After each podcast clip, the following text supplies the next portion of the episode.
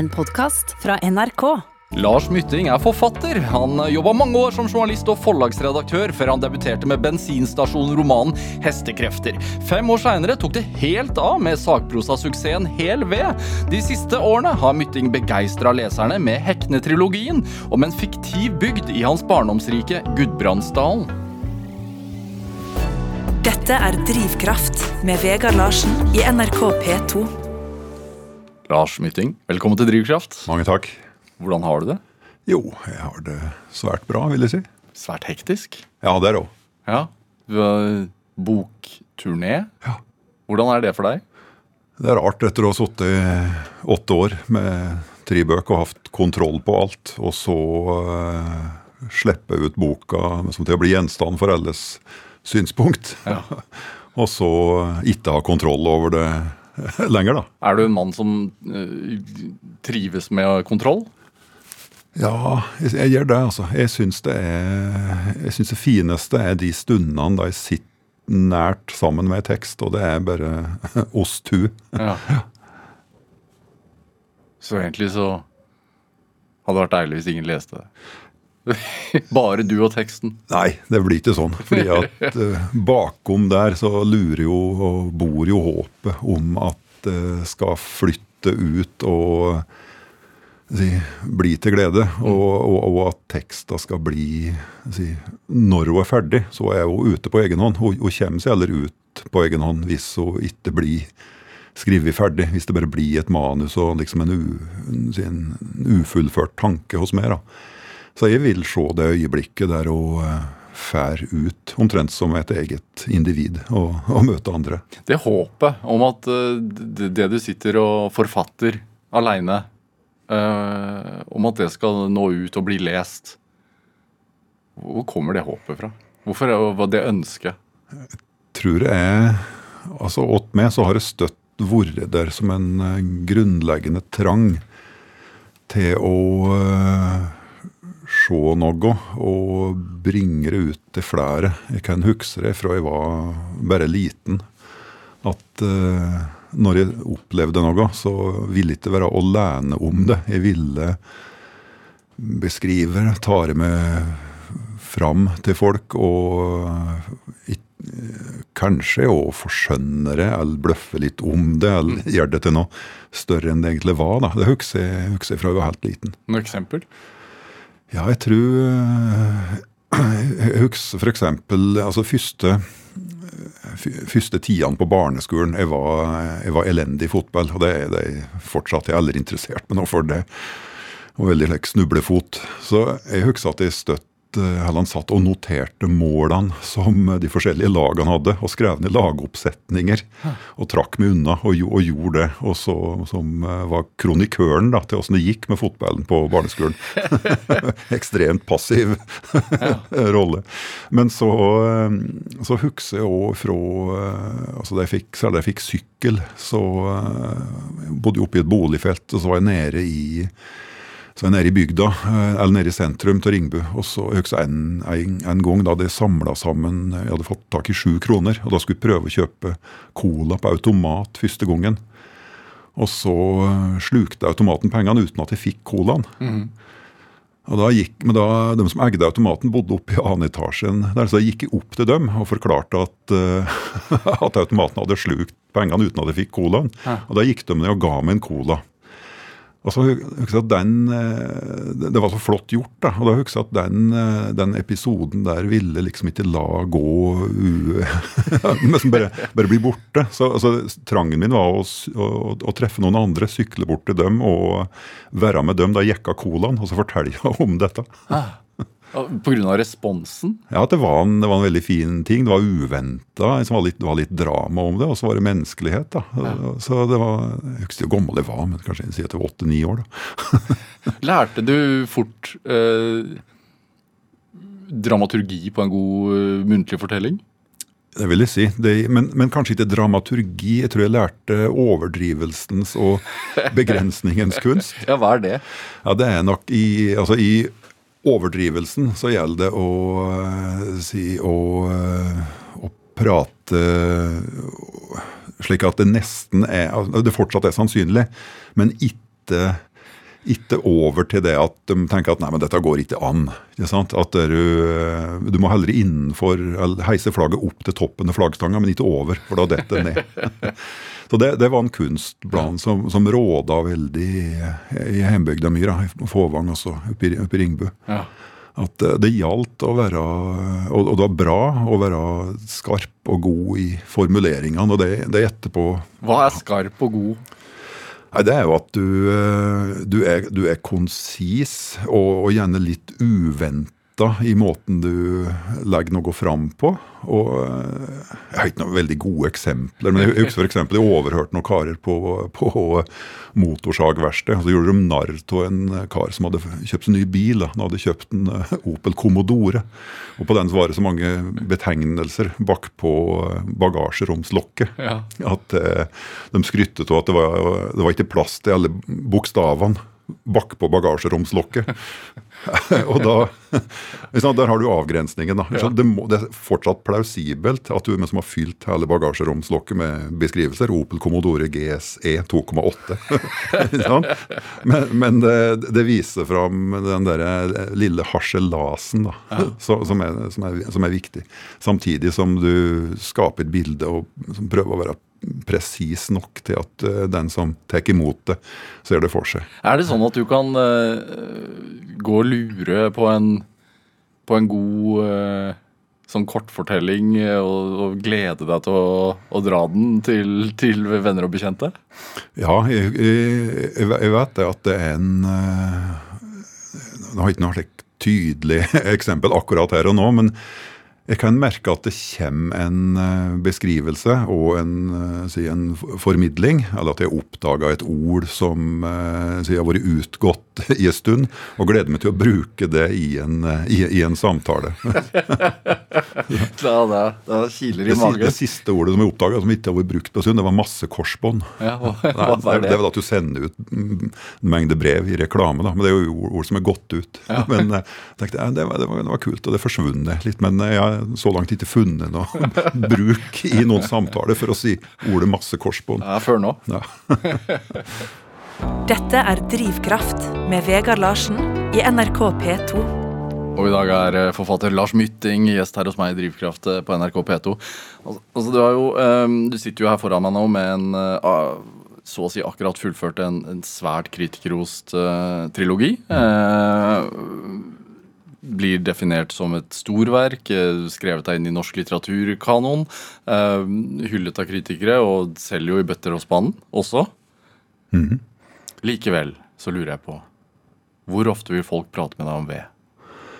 Nå har det dempa seg en, en del, men, men, det kommer støtt attende. Det gjør det. Og den jeg, jeg vil jo støtt være takknemlig for ja. det som den, eh, den, boka gjorde. For, men uh, jeg, jeg, også, altså ganske tidlig etter at den boka kom Vil ikke snakke mer om ved, sa ja, du? Ja, jeg, må, jeg måtte, måtte, gjøre det på, på, et tidspunkt. fordi det, det, er en fare for at uh, altså, Boka gikk jo over ifra å være uh, en, en solid sakprosabok, men òg over til å bli et fenomen. Og dermed så ble det maskoten til fenomenet. Og det er noe annet enn å være forfatteren. Ja, Hva, hva, hva vil det si? Altså, Nei, det var... hvilken, hva, hva, ble det utstyr, altså, hva slags kostyme fikk den maskoten? Nei, det er liksom den, eh, den uh, karen i strikka genser som sitter ved bålet og klapser andre på skuldra og drar historier og, og skrøner og gjerne går og prater om motorsager. og og det, er du ikke den fyren? Jo da, jeg, er det. Men, men i, i, i, i, fortellende stand. Altså, jeg liker å, jeg liker å være i den situasjonen alene. Mm. Men og jeg liker å fortelle om åssen det er i den situasjonen. Men jeg er ikke så glad i å flytte inn i si, den personen som den egentlig er. Jeg er glad i å være den som forteller og, for, og formidler det. Mm. Men hvor øh, opptatt er du av ved? Nei, jeg haug ved hver, øh, vinter, jeg. Jeg, ja. Gjør det, gjør det. Ja da, til eget bruk, så ja. Er det Det er vedtid, unnskyld. Altså, Nei, ikke ennå. Er det ikke det? Nei, jeg venter til det blir tæla på bakken, og så litt snog. Nå er det litt for uh, det er altfor mye lauv fleste plasser i landet. Mye bedre å gjøre det når det, når det er snog, og så tæla på bakken. Hvorfor det? Nei, da blir det ikke, da blir det ikke boss og jord på trærne når du drar dem fram, som heller ikke vil eh, lorte til sagkjedet og redskapen, slik at den blir kjem og skjem, og, så, eh, og hele resultatet blir renere Ja. når du gjør det på, eh, på tæla mark. da. Har, har det noe med å si- så, ha, altså, Tre er ikke fuktig heller, kanskje?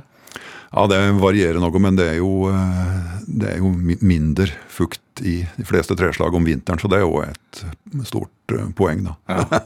Hva, hva er eh, i, I forhold til det, det å hogge altså, hva, hva er det du liker best ved den prosessen? Er det å finne treet? Er det å, å kutte det ned? Er det å, å eh, Kløyve. kløyve? Eller er det å stable? Nei, kløyve.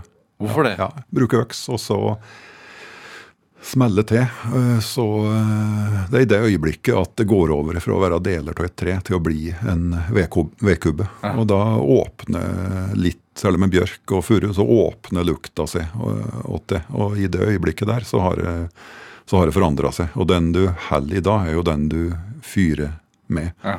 Og en slik særlig kubber som er vonde å få kløvd, da, som er veldig knotete og kvistrike og vrange, de husker av og til øyeblikket da jeg kløvde, når jeg legger det inn i ovnen. Husker den var særlig vanskelig. og dermed så flytter den med stunda ifra, ifra vinteren inn til neste vinter, når jeg, når jeg fyrer. Ja. Så det, det, det blir nesten som en Altså, Du gir det nesten sjel, eller du, du, du, gir treet karakter? Altså, det å huske én en Ja, Det husker stunda, og så kanskje hvor treet sto hen, og den gjenstridigheten. Og at eh, den ble eh, overvunnet. da. Ikke nødvendigvis så elegant, fordi kubben ble uh, veldig vridd og knortete og, og, og rar. Men uh, stunda der sammen med materialet og redskapen, den gamle øksa og haugestabben, det, er- det er stunda som, som maner fram at det er stykke manuelt arbeid der resultatet kommer absolutt med en gang. Og det er så forskjellig fra så mye annet i livet, der, i hvert fall når du sitter med et manus, der alt hele tida kan vendes på å bli bedre og bedre. Eller kanskje skrives så mye på at det faktisk blir dårligere. Det er ikke det her. For at her i det hogget så er det én sjanse, og så blir det ferdig. er, det- Tømmer man sinnet? Det vet jeg nå ikke. Jeg tror ikke det. Men hva tar man med seg da fra den? Altså fordi det er manuelt, det er eh, en gammel skikk. Eh, man bruker kroppen. Eh, ting du er opptatt av også når du skriver. Nei, I, i, det, i detaljer. Ja, altså det er Det har støtt flytt med meg den, altså den det som kommer til hodet gjennom en praktisk erfaring, den syns jeg er ytterst verdifull. Og i den vekker også opp at den gleden ved å skrive og, og fortelle, altså den erfaringen. Ikke sant? Det er colaflaska på automaten en gang til, men omsatt, eh, omsatt til den erfaring som oppstår, da. Og den, eh, den følelsen der, og, og om at den ikke skal få bli igjen og få være alene, men å bli, eh, bli omsatt og gitt til noen andre, den, eh, den har en helt særlig energi som jeg prøver å ta vare på og ta med meg inn i en, i hvert fall i nå i romanform, i, i fortellinger. Mm, det å ta vare på gammel eh, håndverksskikk og, og gamle måter å, å gjøre ting på. Ja, det Åt meg så er det ikke noe det, det, det er en fascinasjon hvis jeg kan, i hvert fall i romanform, omsette den og, og flø, la det flytte inn til en romanfigur som, som gjør det, som blir like opptatt av det som, som meg. Og det, er ikke, det er ikke slik at skikken i seg sjøl at jeg syns at oi, den er bevaringsverdig, så jeg må gjøre noe ut av det. Det er hvis, hvis det duger i fortellingen. Hva skal til for at du blir fascinert? Jeg skal bli overraska over eh, Jeg skal ikke ha visst det fra, ifra før. Har du et eksempel? Ja, jeg skal For eksempel hadde jeg Jeg hadde jo absolutt aldri trodd at jeg skulle bli interessert i vevkunst. At jeg skulle bli interessert i eh, forskjellen på flatvev og oppstavvev, og heller ikke i den norrøne førkristne vevtradisjonen, som var en like, visuell måte å fortelle på, som kanskje ligner på, nesten på, på tegneserier på ei, på ei rute. Men, men jeg, jeg, ser på det, og i øyeblikket der så, så, ser jeg inn i en helt annen tid og en helt annen kultur. Mm. Og, og, det begynner å blomstre noe bakenfor der. Og da, da våkner det noe som flyter sammen med det jeg har sett, og trangen til å berette om det i, i fiksjon. Og så når det flyter sammen, da oppstår det en like, særlig energi da, mm. som, mm. som, krystalliserer seg ut til en berikelse av fortellingen. Det kommer ofte ikke med en gang. Ofte så, så begynner jeg å skrive på historie, og så er det ganske magert og tomt. Mm. Men så, når jeg innser hva personene har vært opptatt av, og hva som har vært deres kall det fag, eller besettelse, eller interessefelt, eller skjebne, mm. så le, prøver jeg å lese om det, eller prøver å gjøre det sjøl. Og da våkner det en lek, eh, både en besjeling og en, en, mye større fargerikdom. da, du, og en ekthet. Har du satt deg ved veven sjøl? Nei, det har jeg ikke gjort. Det er har, har du en vev? Nei, jeg har ikke det. Mor mi hadde en flatvev, men det, det er alt. Så, nei, så jeg, men jeg har sett på mange både fillete fragmenter som er over, over 1000 år gamle, og, ja. og, ting som er gjort i mørke tømmerstugu oppover, oppover Gudbrandsdalen av nesten bare jenter, da, som eh, ikke kunne lese, og som kopierte andre vever. Og så førte det til at når du vev, så gjør det speilvendt. Så førte det til at når de kopierte bokstavene på en vev, så ble det speilvendt. Fordi at de ikke forsto hva som sto der. Ja. Og det, den, eh, med, plutselig med den detaljen så, eh, så, ser, så, så jeg inn i en, sin helt annen virke, en veldig fjern virkelighet. Da. Du er mester i faget, virkelig, virkelig dyktig, ja. så kan du ikke lese, så du forstår ikke hva det er som du da kopierer med slik enorm eh, sakkyndighet når begynner, faktisk står. når begynner du å se for deg menneskene som, som gjorde dette her? Nei, det, kommer, det kommer ganske tidlig, tidlig i, i, i skrivinga. Uh, men jeg ser dem da på avstand, og det er etter hvert som jeg lærer dem å kjenne og skrive om igjen og om igjen, så, rykker, så rykker de nærmere og nærmere og framstår til å begynne med ikke med ansikt. Ja, men Sånn som når du gjorde research da, og, mm. og, og har sett på utallige mm. vevprodukter. Mm. Ser, tenker du at Ja, jeg prøver da å Hvis det kommer, så oppstår det gjennom at jeg ser for meg noen som driver med det. Ja. Og så flytte dem inn i historia uten at jeg nødvendigvis helt vet hvordan jeg skal, skal bruke dem. Og så, og så, foredles det derifra. Da. Hvilken vev eh, fascinerte deg mest under researchen? Var, det var vevnaden som ble funnet i Osebergskipet, som viser hamskiftere, altså mennesker med dyrekropp, eller, eller, omvendt, og som forteller historier som oss uh, har veldig vanskelig for å forstå. Og som viser det blant et helt tre med mennesker som er hengt. Ja.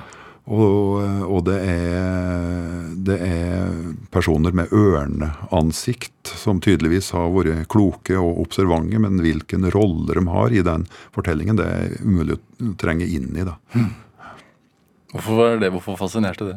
Jeg tror det var fordi det var en, billed, det var en billedlig måte å, å fortelle på som var mye rikere enn jeg hadde trodd. Fordi at når du, bruker, når du viser en, en eh, altså en, Si noen med en dyrekropp, så får den mennesket da egenskapene til dyret. Så altså en, et ansikt på en revekropp vil være antagelig slu og rask og snar.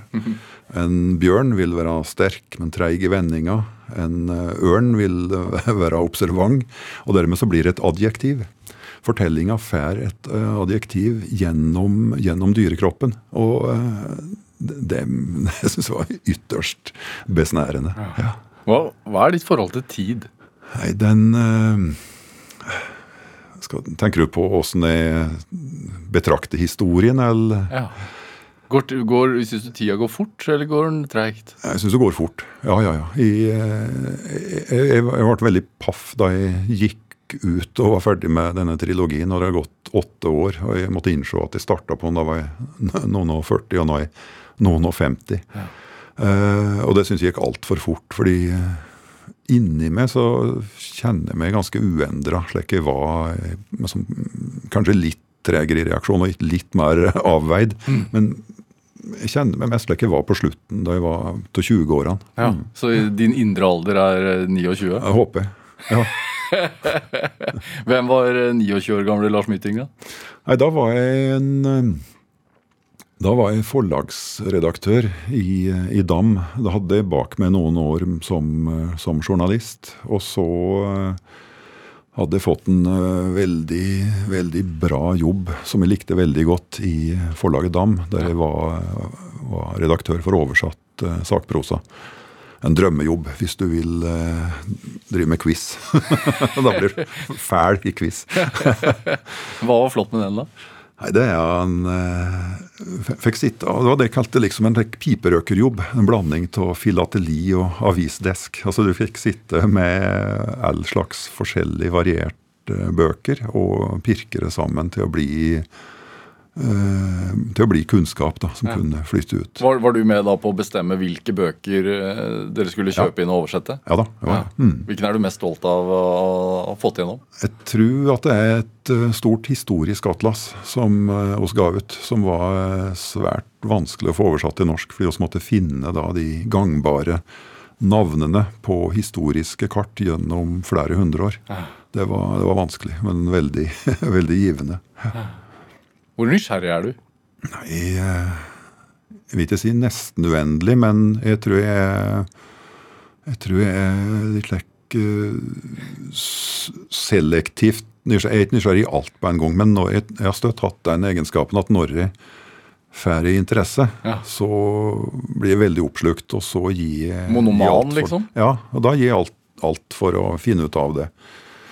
Så jeg har hatt mange hobbyer og diller gjennom, gjennom årene. da, som Alt fra bilmekking til høyttalerbygging og lodding av forsterker. og lek, så, så, Men som jeg går ifra etter, etter et par, par år. Ja. Hvor, så, hvordan, hvordan ser det ut eh, da hjemme hos Altså, hvordan ser det ut i garasjen? Nei, det er frykt, helt fryktelig. Det er jo ser ut som rekvisittlageret til norsk film. Det er helt eh, Jeg er ikke noe veldig stolt av det. Jeg har prøvd å rydde nå, men en gang jeg, kjørte fram en diger tilhenger. Men hver gang jeg begynner å ta i noe, så vekker opp minner fra da jeg hadde den dilla. da. Så det seneste jeg har gjort nå, når jeg rydda i, i gamlehuset vårt eh, oppe i Ringbu, som hos nå har solgt. Og da ble de sittende med kasse på kasse av Norsk Skyttertidene og Norsk Filatelistisk Tidsskrift. Kan ikke kaste det. Jeg klarte å kaste Norsk Filatelistisk Tidsskrift.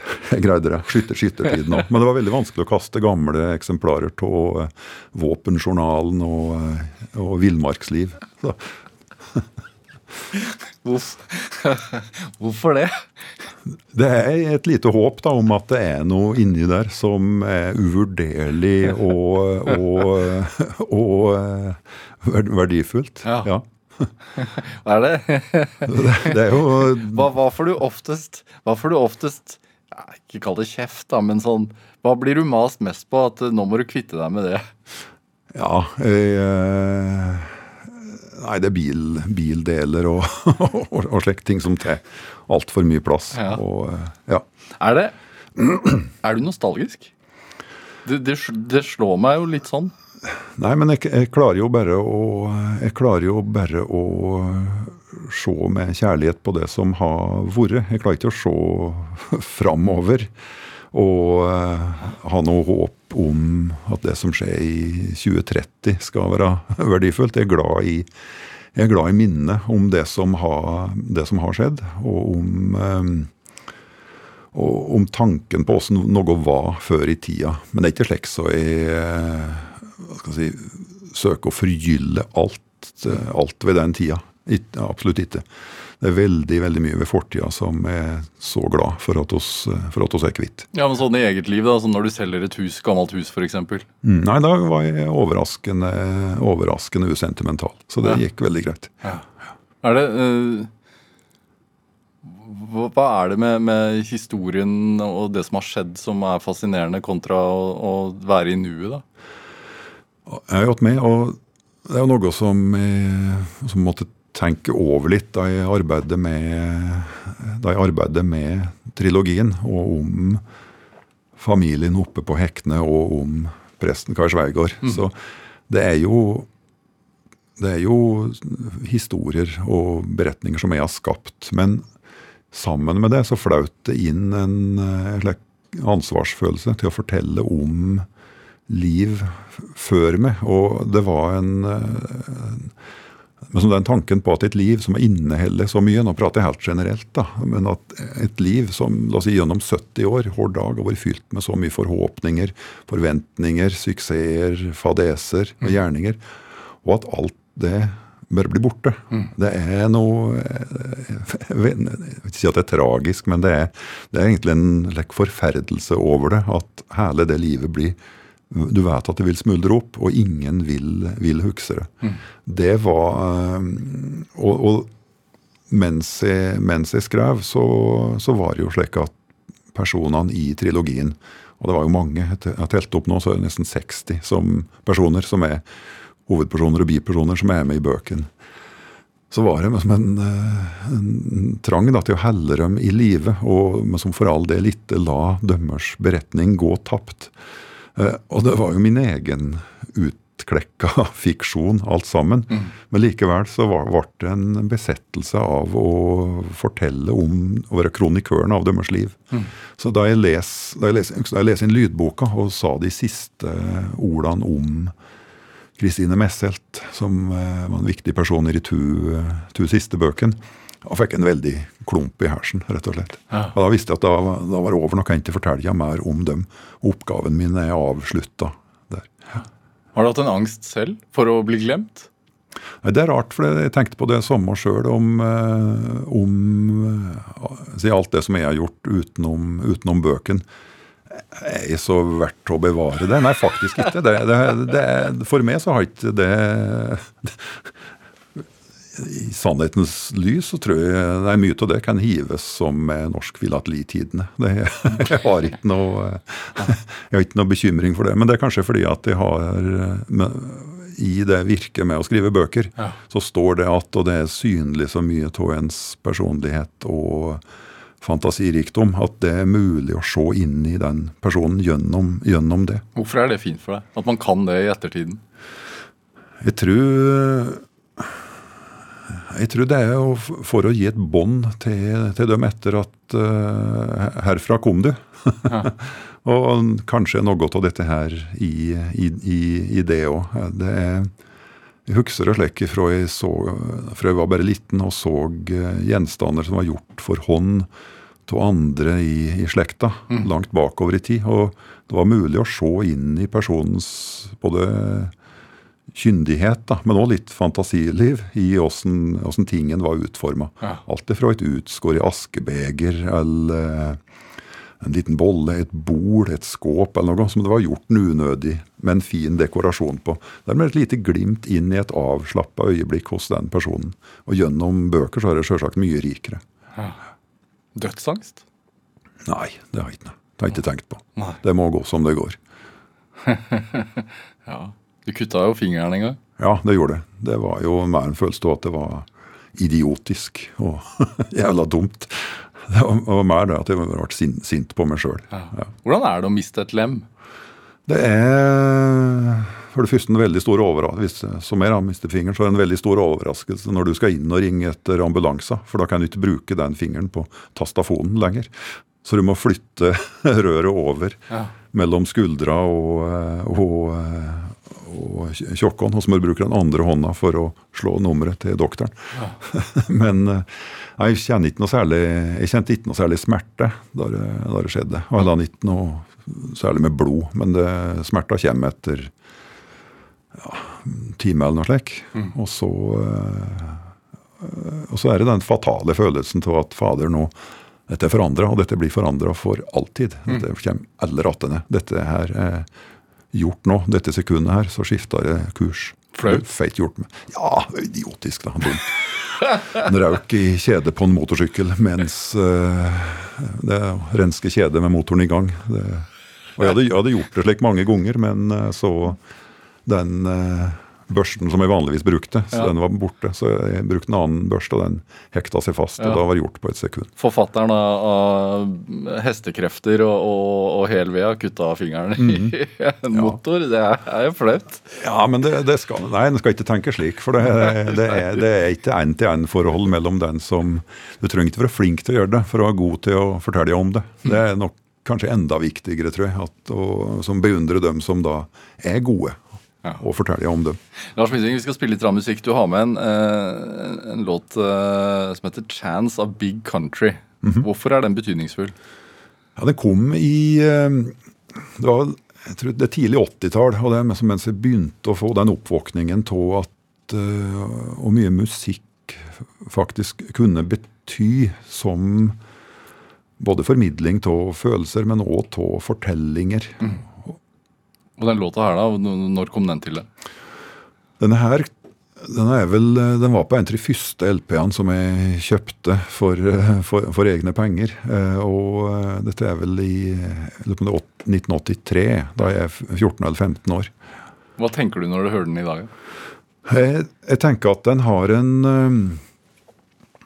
Den er, den er, jo er av et skotsk band, og den har en lek, veldig lek, deklamerende, stolt, ung stil. Som kanskje Og det, det er lett å plukke fra hverandre denne sangen og si at den er pompøs eller den er fra en annen tid. Men altså, den er inderlig. Den er ektefølt. Og for meg vil det støtt være den høyeste kvalitet, hvis du uansett hva du konfronterer den med av intellektuelle hensyn.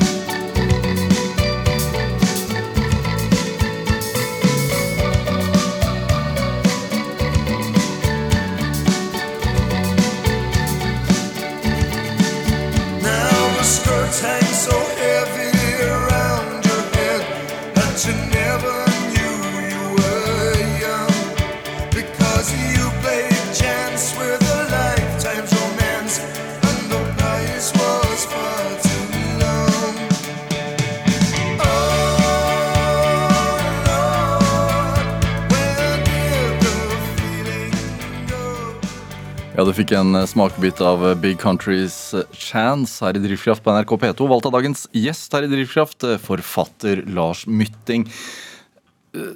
Når, når skjønte du første gang at, at verden var større enn Fåvang i Ringebu? Og ganske tidlig. Det var gjennom postkort fra slektninger i Canada. Det var gjennom en eh, iver etter å lese om fjerne land og eh, hemmelighetsfulle øyer på skolebiblioteket. Hvorfor har du slektninger i Canada?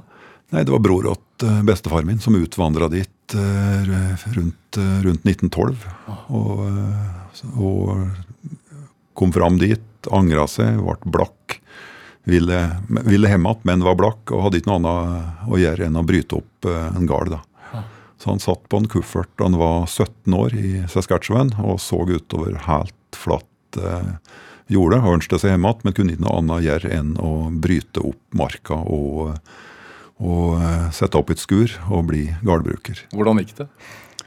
Han ble gift med ei jente fra Skarnes som eh, hadde tatt toget to provinser for langt fordi at hun ikke skjønte hvilke hvordan stasjoner de leser opp. Så han møtte henne helt tilfeldig, og de brevveksla Hun reiste til Manitoba, til tanta si der. Og Så brevveksla de, og så besøkte han henne en gang. Og så ble de enige om at de skulle gifte seg, og så flyttet hun ned. Og Så var de i det skuret på flatmarka der. Så fikk de fire unger som det alle gikk svært godt med, og alle var veldig, veldig energiske. Og det endte med å bli en veldig flott eh, gard midt ute på prærien, som er nå tre store garder. Og de er gjenværende tross at de fleste der har, har flytt. Og eh, Ser jeg for meg unge Lars Mytting som sitter på, på stuegulvet hjemme og får hørt denne historien med eh, store, fascinerte øyne. Ja, ja. Og jeg- noe av de første ordentlige ønskene mine det var å få reist til Canada og for å få besøkt dem. Og det fikk jeg gjort da jeg var, da jeg var 20 år. Og da var jeg der i nesten tre måneder. Og ja, var med og kjørte lastebil. Kjøpte meg en gammel Buick og kjørte gjennom eh, provinsene og, og, og lene og så meg om. Og, eh, og fikk eh, være der på dømmers be- livsbetingelser, da, ikke som turist. Det var veldig, veldig fint. Du, du har sagt en gang at eh, mora di er, både rådgiver og historieforteller. Nøye med detaljer og et bindeledd bakover. Har det vært sånn fra oppveksten av? Ja, men jeg har liksom ikke lagt slik aktivt merke til det. Det har bare vært en naturlig del av av altså, livet sammen med andre. At vi har, har fortalt beretninger og om, om, eh, om åssen det har vært. Så de, eh, det, det først nå, de, de, særlig da jeg skrev Hekne-trilogien, at jeg eh, liksom aktivt begynte å søke attende til til fortellinger oppe i, fra garden Mytting, da, oppe i, i Brekkom, der, eh, der og, og etter si, rariteter og kjensgjerninger og si, hverdagsliv som jeg kunne få til å flytte inn i, inn i denne boka. blir du bedre kjent med deg sjæl da? Nei, jeg vil ikke si det. Det, det, er, en, det, er, en, det er en mer utadvendt, letende prosess, ja. rett og slett. Så jeg blir bedre kjent med betingelser fra en annen, tid. Og, og det er en interesse til å se åssen i all verden greide de seg, og åssen forma det livet deres når det var altså før elektrisk lys, før telefon. Og åssen ble de da, når du tar bort alle de betingelsene som oss i dag tar for gitt? Hva brukte de tida si på når de ikke hadde ikke hadde noe underholdning. underholdning Hva, br hva brukte du tida di på da? Som unge? som unge? Nei, jeg var Jeg var, jeg var veldig lesende og, og søkende etter, etter si, boklig kunnskap. Jeg var, jeg var fast på Hva trigga det? Nei, Det bare var slik det var, rett og slett. Jeg, var, jeg, jeg, jeg hadde en slik glede av å, av å lese og, og si, gå inn i den verden som, som bøkene ga meg. Men det var veldig ofte Det var ikke nødvendigvis romanen. Det var like gjerne at det var si, faktabøkene og sakprosaen. da, og gjennom, fordi gjennom det, og det merka meg senere at det kan sette i gang fantasien minst like mye som en roman. Og det, det, er, noe, det er noe ved si, faktabøkene eller sakprosaen som jeg syns er undervurdert. det er at når, når, når man leser om det, så dannes det en fantasiverden likevel som er veldig spennende å flytte inn i. Så med litt overdrivelser, da. Jeg, jeg sa en gang for å skulle være litt cocky at uh, Claes Olsson-katalogen er en av verdens beste romaner. Og det var fordi at når du leser den, så danner det seg et ønske om å Hva kan jeg bruke sveiseapparatet til? Hva kan jeg bruke denne redskapen til? Og den, eh, det omsettes i en fantasidrift på egen hånd. da. Ja. Så en, en, eh, historie kan gjerne starte, eh, eller helst starte med et, et fysisk objekt. ja, kan det gjøre. Ja. Ja. I hvert fall hvis, du, hvis jeg klarer å omsette det til, ja, ta som i hestekrefter, da, om, omsette det til en besettelse og en like, særlig energi hos, hos personene jeg skriver om. Ja. Det, men det med å oppsøke eh, lokalmiljø for historier altså Du starta jo tidlig i journalistikken. Hvor, hvor gammel var du da du Jeg tror eh, jeg begynte vel da jeg var 14 år, faktisk. Ja. Og, og eh, før, ja, før jeg hadde moped. Jeg hendte at jeg haika for å komme med på eh, Hvordan får man jobb i hva, Var det Dagningen? Eller? da, ja, lokalavisa Dagningen, som var i Gudbrandsdalen. Og der, eh, der ble det tid under vingene av eh, to karer som var veldig gode Men banker man på døra da? Eller hvordan? Nei, jeg tror jeg, jeg spurte om det var, det var like utplasseringsuke på ungdomsskolen, tror jeg det var. og, så, og da hadde de lyst til å komme i, i, i avis. For der var jo fortellingene fra dag til dag, men det var omsatt på papir. Veldig, veldig spennende. Du er ute, ser noe, må fortelle om det på kort tid. Vende attende, ta bilder, og dagen etter så står det på trykk. Så det var liksom essensen i fortelling, da, i den rappe fortellingen. Det, det mente jeg å finne i avisa. Og jeg fant det òg, men ikke, jeg ble aldri noe brukelig nyhetsjournalist. For jeg klarte aldri å orientere meg skikkelig i politiske forhold eller i større sammenhenger. Men det som var mulig på den tida, det var å skrive altså Portrettsjangeren, sjøl med vanlige folk, var gangbar i den avisa. Og de to læremesterne som jeg hadde da, da to karer som het Håkon Rusten og Iver Hommorn, de var nådeløse redigerere. De hata langhalm, altså overflødige ord. Så de, og da skrev oss jo på papir. Så jeg måtte levere manus, og så kom de med lang, krumma soks og bare klyfte bort det som var unødvendig. Og Så ble det teipa i hop, og, eh, og, og, og så måtte de skrive om igjen. Og den, den måten, måten der å være nådeløs mot, eh, mot teksta på, det var en, en tidlig, tidlig lærdom da, som, som ble med meg senere, men som ikke, var, som ikke klarte å omsette til romanform før mange mange år senere. Ja, hvor nådeløs er du mot deg selv? Nei, Nå? ja, fullstendig eh, jeg, jeg tror, altså Hvis jeg hadde arbeid for meg sjøl, så hadde jeg bare sagt opp med en gang. Fordi at eh, en må- tvinge seg sjøl til å file og file på hver minste detalj. Helt til, helt, til, helt til man er fornøyd, om men ikke ha skrevet i hæl tekster. Be, bevare det spontane. Bruker du saks og lim? Nei, jeg bruker det, jeg, jeg skriver eh, Jeg skriver, skriver rett på, på Mac-en, eh, og så, men ofte så skriver jeg for fort. Så jeg, så jeg er inne og redigerer om igjen og om igjen eh, hele tida. Men for å gire ned tempoet, så har jeg lært meg at da den Jeg lærte jo å skrive på vanlig skrivemaskin, og det hender fortsatt at jeg vender attende til det, for da må jeg tenke mye mer til setningen før jeg omsetter den til ord. Og da den bremsen der, da, den kan i, i visse faser ha godt av. Så det er noen, noen partier som, som er skrevet på eh, mekanisk skrivemaskin. Og det er ikke noe slik eh, jåleri eller si, slike al alpeluefikter og, og, og over det. Det er bare at det, det funker. Det går mer enn fort nok. Ja.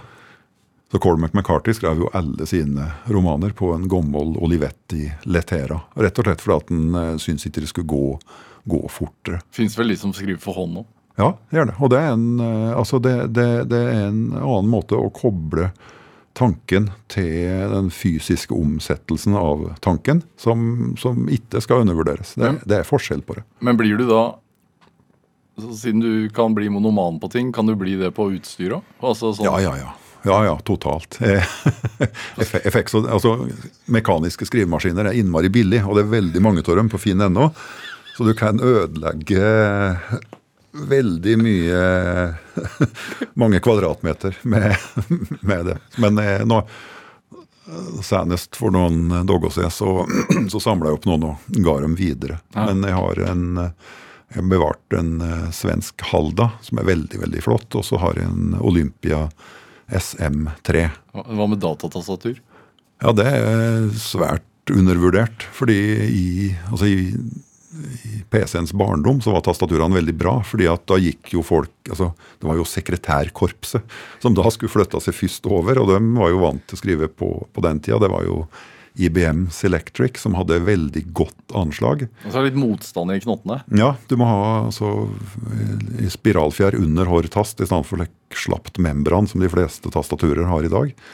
Så det som er Jeg de beste tastaturer som er logga, er det gamle Norsk Data-tastaturet. Det var veldig anatomisk godt, og du skrev mindre feil på det. Og, men det nest beste er faktisk gaming-tastaturer. Hvis du får slite og alt det blinkende lyset, så har de nettopp den anslagsmotstanden og fjæringa og klikken da, som behøves. Jeg syns det er gøy. Ja, dette, men det er viktig. for at når, det, når, du sitter eh, altså når du sitter eh, seks timer i strekk og klakker løs i eh, fem dager i uka, så, så må, det være bra. Det med eh, eh, humor Altså, du skriver jo om, om eh, fullendte liv, men, men jeg, også- jeg, jeg syns også du har en eh, god sans for humor i bøkene dine. Eh, hvor viktig er det for deg? Det er viktig både fordi at det er en så, er en så sentral del, del av den menneskelige eksistens og, og glede. Å se mot spøken og fjaset. Og, og ofte så er det de øyeblikkene som, eh, som holder oss oppe òg, når, når det er som mørkest. Så i eh, Og da jeg skrev, eh, da jeg skrev 'Søsterglukkon', som da delvis er, foregår i en ganske dystre kår Men så er det jo samtidig òg, syns jeg, da, den, den tre- artigste bøken som jeg, som jeg skriver, siden 'Hestekrefter'. Eh, Nettopp fordi at det, i de den, den bustete tilværelsen der, da, så gir det rom for en slik ja, mørk komikk. Folk som eh, fryser her i kirka og eh, blir hengende fast i, i veggen. og som når, så får de ikke begrove jo fordi at bakken er tæla. Ja. Så viser det at hun har lånt klærne til andre. Og for da å få gitt attende klærne som de andre trenger, så må de tine liket for å få av klærne før de, de fryser ned igjen for å bevare til for å gravlegge til våren. Altså, dette er jo virkeligheten, og det, det er jo både tragisk og komisk. Men det, veldig mørk humor, men nei, det, var, det var den scenen, da. Så det, ellers så kan en ha det Men, men det med, altså, det, som du sa tidligere her, at du fikk en drømmejobb. Eh, altså Du var jo i journalistikken eh, og, og i mange år. Eh, før du gikk til Dam, da, og var jo der lenge òg, som forlagsredaktør. Og så eh, bestemmer du deg jo for å skrive bok eh, samtidig. Ja, altså Den hadde vært med og, altså helt ifra jeg var helt ifra tenårene, så var egentlig den store drømmen min det var å skrive ordentlig, og så få det ut i bokform. Hvem, Og, hvem så du opp til? Var det noe, hadde du noen forbilder sånn sett, eller var det bare et behov? nei, bare et behov. Bare en, bare en ønske om å skrive noe, noe selvstendig. Og, eh, og, og være i en drømmeverden. Bruke å være oppfinnsom med ordene, talemåtene og logge si, bilder og, og drama. Eh, Men jeg var fryktelig streng med meg sjøl. Og hver gang jeg begynte på noe, så ble det støtt til at jeg la det bort. Og eh, at jeg, jeg mangla nok da den eh, energien som skulle til for å fullføre. Eller jeg var, var kanskje redd for noe. Jeg var, jeg var slik som ikke ville eh, at det helt litt attende. At nei, nå får det være. For åssen skal det bli hvis jeg gjør det ferdig. Og jeg fullførte en del ting. Et tegneseriemanus, et par krimhistorier som eh, og, og, og prøvde, men altså trangen til å skrive den virkelig eh, den virkelig full, eh, hele romanen, den vokste og. Hva men hva var du redd for, da? Nei, da, da var jeg, jeg jeg var redd for det, men altså at jeg, at jeg hadde ikke nok trang i meg, rett og slett, til å, til å fullføre det. Altså andre ting var liksom like bra. Jeg var jo i fortellingenes sfære hele tida, enten i avis eller som forlagsredaktør. Men den trangen som vokste, det var til å fortelle mi eh, noe som bare kunne komme ifra meg sjøl. Og som forlagsredaktør, der det handler om er jo veldig mye å luke ut andres uh, feil. og etter hvert så fant jeg ut at det, altså det som vokste til stadighet, det var, det var å få skrive min egen, fortelling. Mm. Og det hadde, jeg hadde flere fragment og begynnelser og korthistorier som som jeg hadde prøvd på, men som jeg hadde lagt bort. Og Jeg husker et øyeblikk veldig veldig godt. Det var da, oss, eh, altså da jeg flyttet til Oslo og begynte på, eh, begynte på Blindern. Jeg begynte på Blindern, jeg begynte på litteraturvitenskap tre ganger og slutta tre ganger etter kort tid, for de syntes det var så kjedelig. Men, men i den perioden så skrev, så, så skrev jeg en del. Og mange år etterpå så fant jeg at eh, noen utskrifter Og så skjønte jeg ikke hvor det kom fra. Og, og så eh, ja, Jeg klarte ikke å forbinde det med, med, med at jeg hadde printa det ut fra noen annen kilde. Og så da jeg hadde kommet halvveis ned på sida, så innså jeg at det var Og jeg syntes det var bra, da. Og da var jeg halvveis ned på sida, så innså jeg at det var jeg sjøl som hadde skrevet det. Og da det sparket der, den, eh, den eh, ideen på at ok, hvis jeg lærer kaurene, altså kjøles ned litt, og så ser på det med friske øyne, og ikke drive og gjennomanalysere det i øyeblikket, det er livsfarlig, lærte jeg da. Vi driver og ser på tekster og håpe at det som står her, skal virke med en gang. Mm. Da jeg ble kvitt eh, den, så, så kom det opp en, en sterkere, mye sterkere kraft. Og så ble jeg oppfordra av folk rundt meg, særlig altså, kollegaen min, forlagsredaktør Einar Ibenholt, som, som også hadde diskutert dette med. Har du, måttet Han dyt, dytta på meg, så jeg skulle gjøre det. Ja. har, har du måttet lære deg at øh, det du gjør, er bra nok? Ja, det har jeg vanskelig for, faktisk. Ja.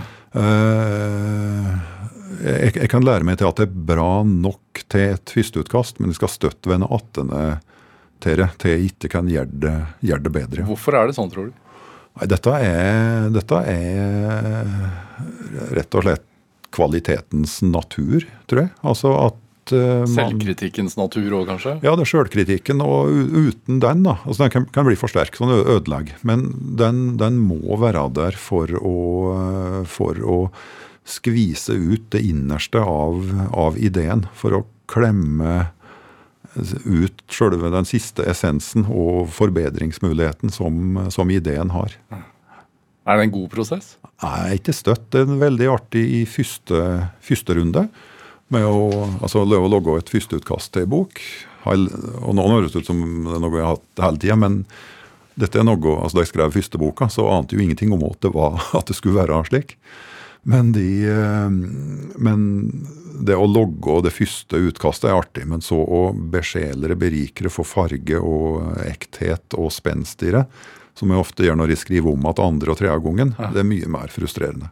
Og så over i den siste fasen, da jeg bare sitter og, og pirker. Det, det er fylt av, av glede og moro. Ja. Kan du bli sur? Ja, pottesur. Sjølsagt. Fordi at eh, hvis du ikke Hvis ikke så flyter jo bare på overflata. Og, Du slår og- meg som en mann med ganske sånn jevnt temperament, men øh, Ja, men, men når, når eh, jeg kan bli sur på meg sjøl, når ikke når ikke får klemt ut ideen, eller når ikke arbeider effektivt, eh, effektivt nok. Så er det. hva gjør du da? Nei, nå eh, Jeg prøver å venne meg til å gjøre noe, gjøre, gjøre noe annet. Enten, å, enten, å, enten at jeg setter meg til å lese, lese noe, eller Finner det bjørk, si. ja, jeg kan eh, Går an å omsette det i, i fysisk arbeid òg. Men eh, nei, altså flytta hodet over til noe, noe helt annet. Hjelp nesten støtt. Og så er det å la det roe seg ned, slik at ikke presset og liksom, alvoret er der hele tida. Lar, det gå, gå litt tid. Men det jeg faktisk har lært meg som er den eh, beste måten når, når For man, jeg, jeg står fast mange, mange ganger. Da, da, da bare arbeider jevnt dag for dag, og så lar jeg og arbeide med det om, om natta. Og så vender jeg attende til teksta hver, hver morgen og skriver på og skriver på. Det, det, det med at du ganske tidlig hadde en, en drøm om å skrive bøker øh, og bli forfatter. Og nå er du jo det, med stor suksess, og lever av det. Er det som du trodde? Jeg tror faktisk det. Jeg tror at eh, hvis jeg hadde sett meg sjøl og, og, og visst at det skulle bli slik, så, eh, så tror jeg jeg ble ganske glad som guttunge. Men man skal jo ikke kunne det. Det skal jo være veien fram, og så det å se henne på at slik, slik ble det. Ja. Lars Mytting, hva er drivkraften din i dag, da?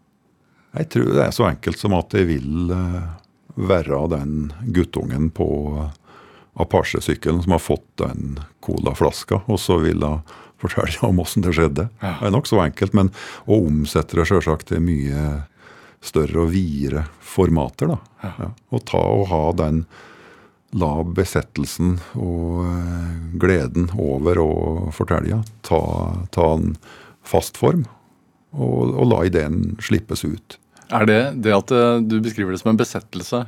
Er det Har det vært eh, grunnen til at du har, har, har måttet gjøre det? Altså, Du har ikke hatt noe valg? Ja, det, husker da i øyeblikket da jeg slet meg fri fra det forlagsredaktørarbeid og satte meg ned, så var det at hvis ikke gjør dette her nå, så blir jeg blir jeg ulykkelig.